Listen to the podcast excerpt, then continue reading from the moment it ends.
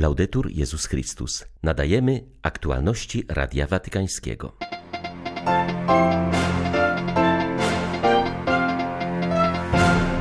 Papież jest gotowy jechać do Moskwy i spotkać się z Putinem, aby zabiegać o zakończenie wojny na Ukrainie. Franciszek mówił o tym w wywiadzie dla włoskiego dziennika Corriere della Sera. Ludzie uchodzący z Mariupola przeżyli makabryczne rzeczy. To najciemniejsze miejsce na ziemi, mówi biskup Jan Sobiło, który w Zaporożu przyjmuje ewakuowanych. Uroczystość Maryi Królowej Polski na Jasnej Górze odbyło się dziękczynienie za beatyfikację kardynała Wyszyńskiego. On uczył nas prawdziwej wolności, mówił w homilii arcybiskup Stanisław Gondecki. 3 maja witają Państwa Łukasz Sośniak i Beata Zajączkowska. Zapraszamy na serwis informacyjny. W maju Franciszek rozpoczyna cykl trzech intencji modlitewnych poświęconych rodzinie. W intencji na maj w szczególny sposób poleca modlitwie Kościoła ludzi młodych, którzy pragną zbudować lepszy świat. Kiedy myślę o wzorze, z którym wy młodzi możecie się identyfikować, zawsze przychodzi mi na myśl nasza matka Maryja. Jej odwaga, umiejętność słuchania i oddanie służbie. Była odważna i zdecydowana powiedzieć Panu tak Wy, młodzi ludzie, którzy chcecie zbudować coś nowego, lepszy świat, bierzcie z niej przykład, podejmijcie ryzyko. Nie zapominajcie, że aby naśladować Maryję, trzeba rozeznać i odkryć, do czego Jezus was wzywa, a nie to, co myślicie, że możecie zrobić. W tym rozeznawaniu bardzo pomaga wsłuchiwanie się w słowa starszych. W nich znajdziecie mądrość, która pozwoli wam wyjść poza obecne problemy.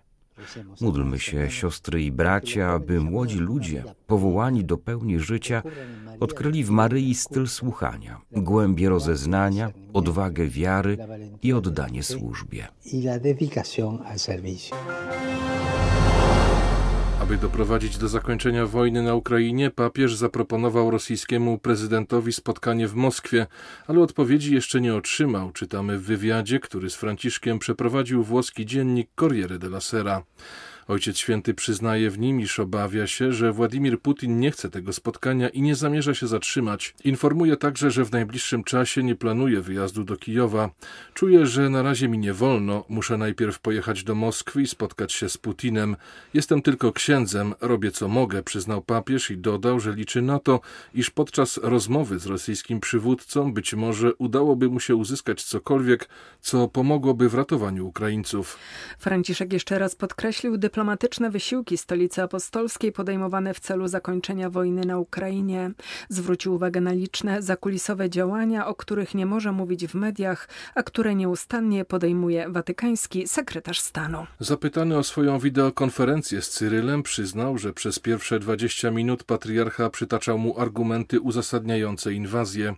Powiedziałem mu, że nic z tego nie rozumiem i zauważyłem, że nie jesteśmy urzędnikami państwowymi, żeby rozmawiać językiem polityki, ale jako pasterze powinniśmy używać języka Jezusa, powiedział papież. Dlatego przede wszystkim musimy szukać dróg pokoju i powstrzymania wojny. Patriarcha nie może być ministrantem Putina, dodał Franciszek. W rozmowie pada także pytanie o zdrowie papieża. Ojciec Święty zdradza, że dziś przejdzie drobny zabieg, który pozwoli mu przezwyciężyć ból kolana, utrudniający poruszanie się, a tym samym uczestnictwo w celebracjach, audiencjach i innych spotkaniach z wiernymi, tak jakby tego chciał. Nasz naród spływa krwią, ale broni swej ojczyzny. Tak zaciętych walk nie widziano od czasów II wojny światowej. Są wielkie straty po obu stronach ale Ukraina nadal się broni i robi to skutecznie, mówi arcybiskup Światosław Szewczuk w codziennym orędziu wojennym. Dziś rozważał błogosławieństwo skazania na górze, w którym Pan Jezus obiecuje Królestwo Niebieskie tym, którzy są prześladowani za prawdę. Modlimy się do Pana Boga, aby On sam swoją siłą obronił Ukrainę.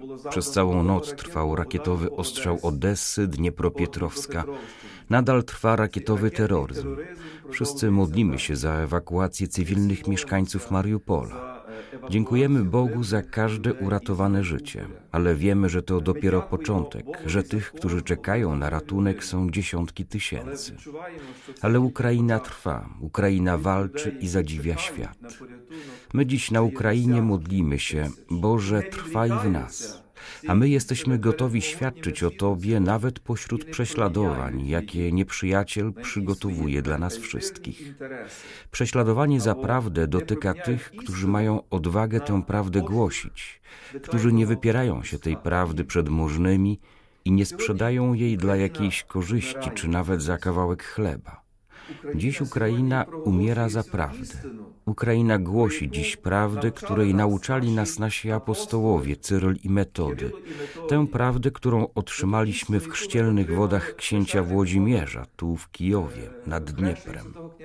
Niech ta prawda będzie dla nas źródłem życia. Niechaj ta istina będzie życiodajną dla nas. Do wtorkowego przedpołudnia do Zaporoża dotarła jedynie stuosobowa grupa uchodźców z Mariupola. Rosjanie utrudniają ewakuację i nie przepuszczają autokarów, w których większość pasażerów stanowią kobiety i dzieci. Ci ludzie przeżyli makabryczne rzeczy. Mariupol jest dziś chyba najstraszliwszym miejscem na ziemi, mówi Radiu Watykańskiemu biskup Jan Sobiło, który w Zaporożu organizuje pomoc dla uchodźców. Polski biskup, który przeżył w tym mieście całą wojnę od chwili jej wybuchu w Donbasie w 2014 roku, wyznaje, że bestialstwo Rosjan jest wręcz nie do opisania. Masowe gwałty na dzieciach są na porządku dziennym. Ludzie opowiadają o nieustannym ostrzale Mariupola, który trząsł bunkrem, z którego nie wychodzili na zewnątrz przez dwa miesiące. Dorośli oddawali dzieciom resztki jedzenia. W oblężonym mieście wciąż pozostaje 100 tysięcy cywilów. Wiele osób zostało przymusowo deportowanych do Rosji. Zaporoże jest w stanie przyjąć wszystkich potrzebujących nie tylko z Mariupola, ale także z innych okupowanych miast. Niestety Rosjanie, jak mogą, utrudniają ewakuację, mówi biskup Sobiło. My staramy się przyjąć pierwsi tych, kto uciekł z tego najstraszniejszego chyba dzisiaj miejsca na ziemi, z Mariupola. No otóż oni w szokowym są stanie. Oni chaotycznie opowiadają, bo ja ich rozumiem, tyle czasu być w takim napięciu, zginę, nie zginę. Pochowali dużo ludzi.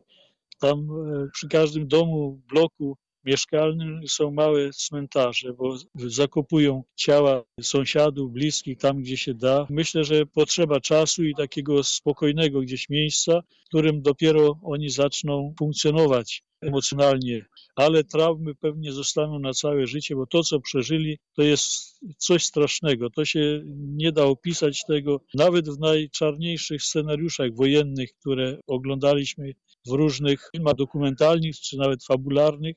Człowiek by nie wymyślił tego, co w tej chwili tam się dzieje. Mówili o gwałtach dzieci, znaleźli dziewczynkę powieszoną, zgwałconą dwunastoletnią, chłopców, dziewczynki, około dziesięcioletnich masowo gwałcą.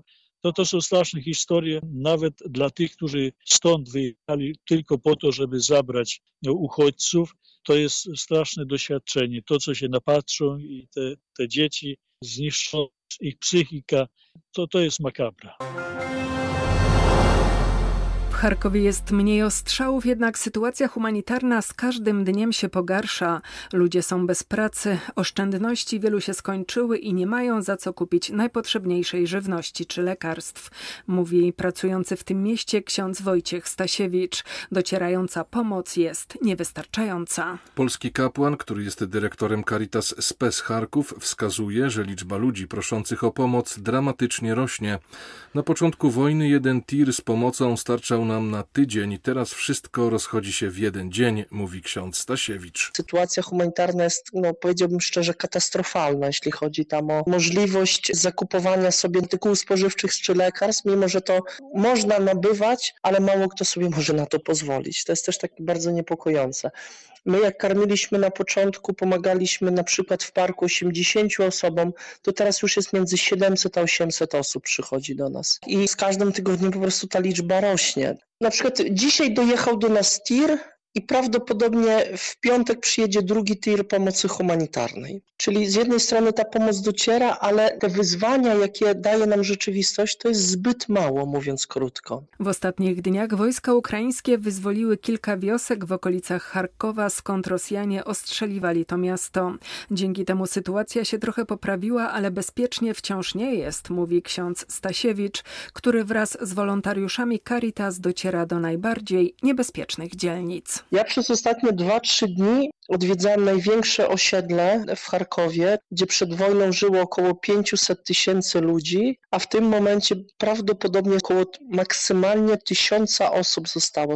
Nie widziałem na tym osiedlu jakiegoś bloku, który nie byłby albo częściowo, albo całkowicie zniszczony. Sami byliśmy świadkami trzech ostrzałów na tym osiedlu.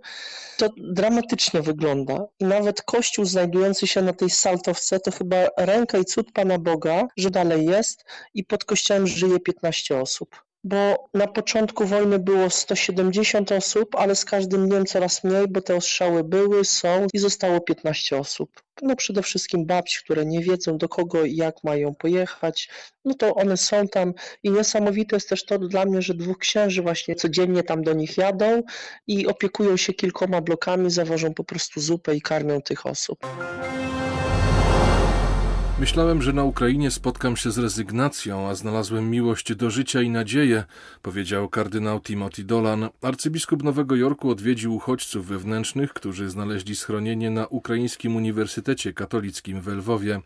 Wraz z metropolitą lwowskim, arcybiskupem Mieczysławem Mokrzyckim, hierarcha spotkał się także z władzami uczelni i studentami działającymi w otwartym w związku z wybuchem wojny Centrum Wolontariatu. Czuję się zbudowany tym, co zobaczyłem na Ukrainie, przyznał kardynał Dolan. Oczywiście jest tutaj wiele smutku i bólu, ale dominuje nadzieja i solidarność. Ludzie przyjmują do swych domów uchodźców, zaopatrują ich wodę, żywność lekarstwa. Nie pozwalają, aby zło miało ostatnie słowo. Po spotkaniu z nimi wierzę, że życie pokona śmierć, dodał metropolita Nowego Jorku. Podczas spotkania z władzami uczelni prorektor przedstawił kardynałowi Dolanowi memorandum o potrzebach Ukrainy. Jego zdaniem kraj zmaga się zarówno z rosyjskimi wojskami, jak i z putinowską propagandą, która jest źródłem dezinformacji. Zauważył, że również między Watykanem a Ukraińcami jest obecnie wiele nieporozumień, które mogą mieć swoje źródło właśnie w działaniach dezinformacyjnych. Rozpaczliwe apele Ukraińców są źle rozumiane, a symboliczne gesty papieża źle interpretowane. Prostym sposobem na pokonanie tego kryzysu i dotarcie do prawdy jest pomnażanie kanałów komunikacyjnych. Proszę, pomóżcie nam w tym, zaapelował Mirosław Marynowicz. Na szlaku narodowego dziękczynienia za beatyfikację prymasa tysiąclecia nie mogło zabraknąć Jasnej Góry, miejsca, które tak bardzo umiłował. Główne uroczystości ku czci Królowej Polski przeżywane są tu w duchu wdzięczności za opiekę Maryi nad polskim narodem i w tym roku szczególnie za życie i posługę kardynała Wyszyńskiego. Trwa też błaganie o ustanie wojny na Ukrainie. Arcybiskup Stanisław Gondecki przypomniał w kazaniu, że kardynał Wyszyński był człowiekiem wolnym i uczył nas prawdziwej wolności i tego, że rzeczy Bożych na ołtarzach Cezara składać nie wolno. Zauważył, że śmierć i cierpienie są sprzeczne z wolą Bożą, a wojna jest wynikiem zwalniania się człowieka od wszelkich norm boskiego prawa. Kaznodzieja podkreślał, że jest dumny z postawy rodaków, którzy hojnie udzielają pomocy ofiarom wojny w Ukrainie, a w szczególności tych, którzy przyjmują uchodźców do swoich domów. W ten sposób Polacy dają całemu światu godny naśladowania przykład chrześcijańskiego miłosierdzia. Dzięki temu cud pojednania polsko-ukraińskiego, miłości i prawdzie przybliża się do nas szybkimi krokami. Dla Radia Watykańskiego Izabela Tyras, Biuro Prasowe Jasna Góra News. Były to aktualności Radia Watykańskiego. Laudetur Jezus Chrystus.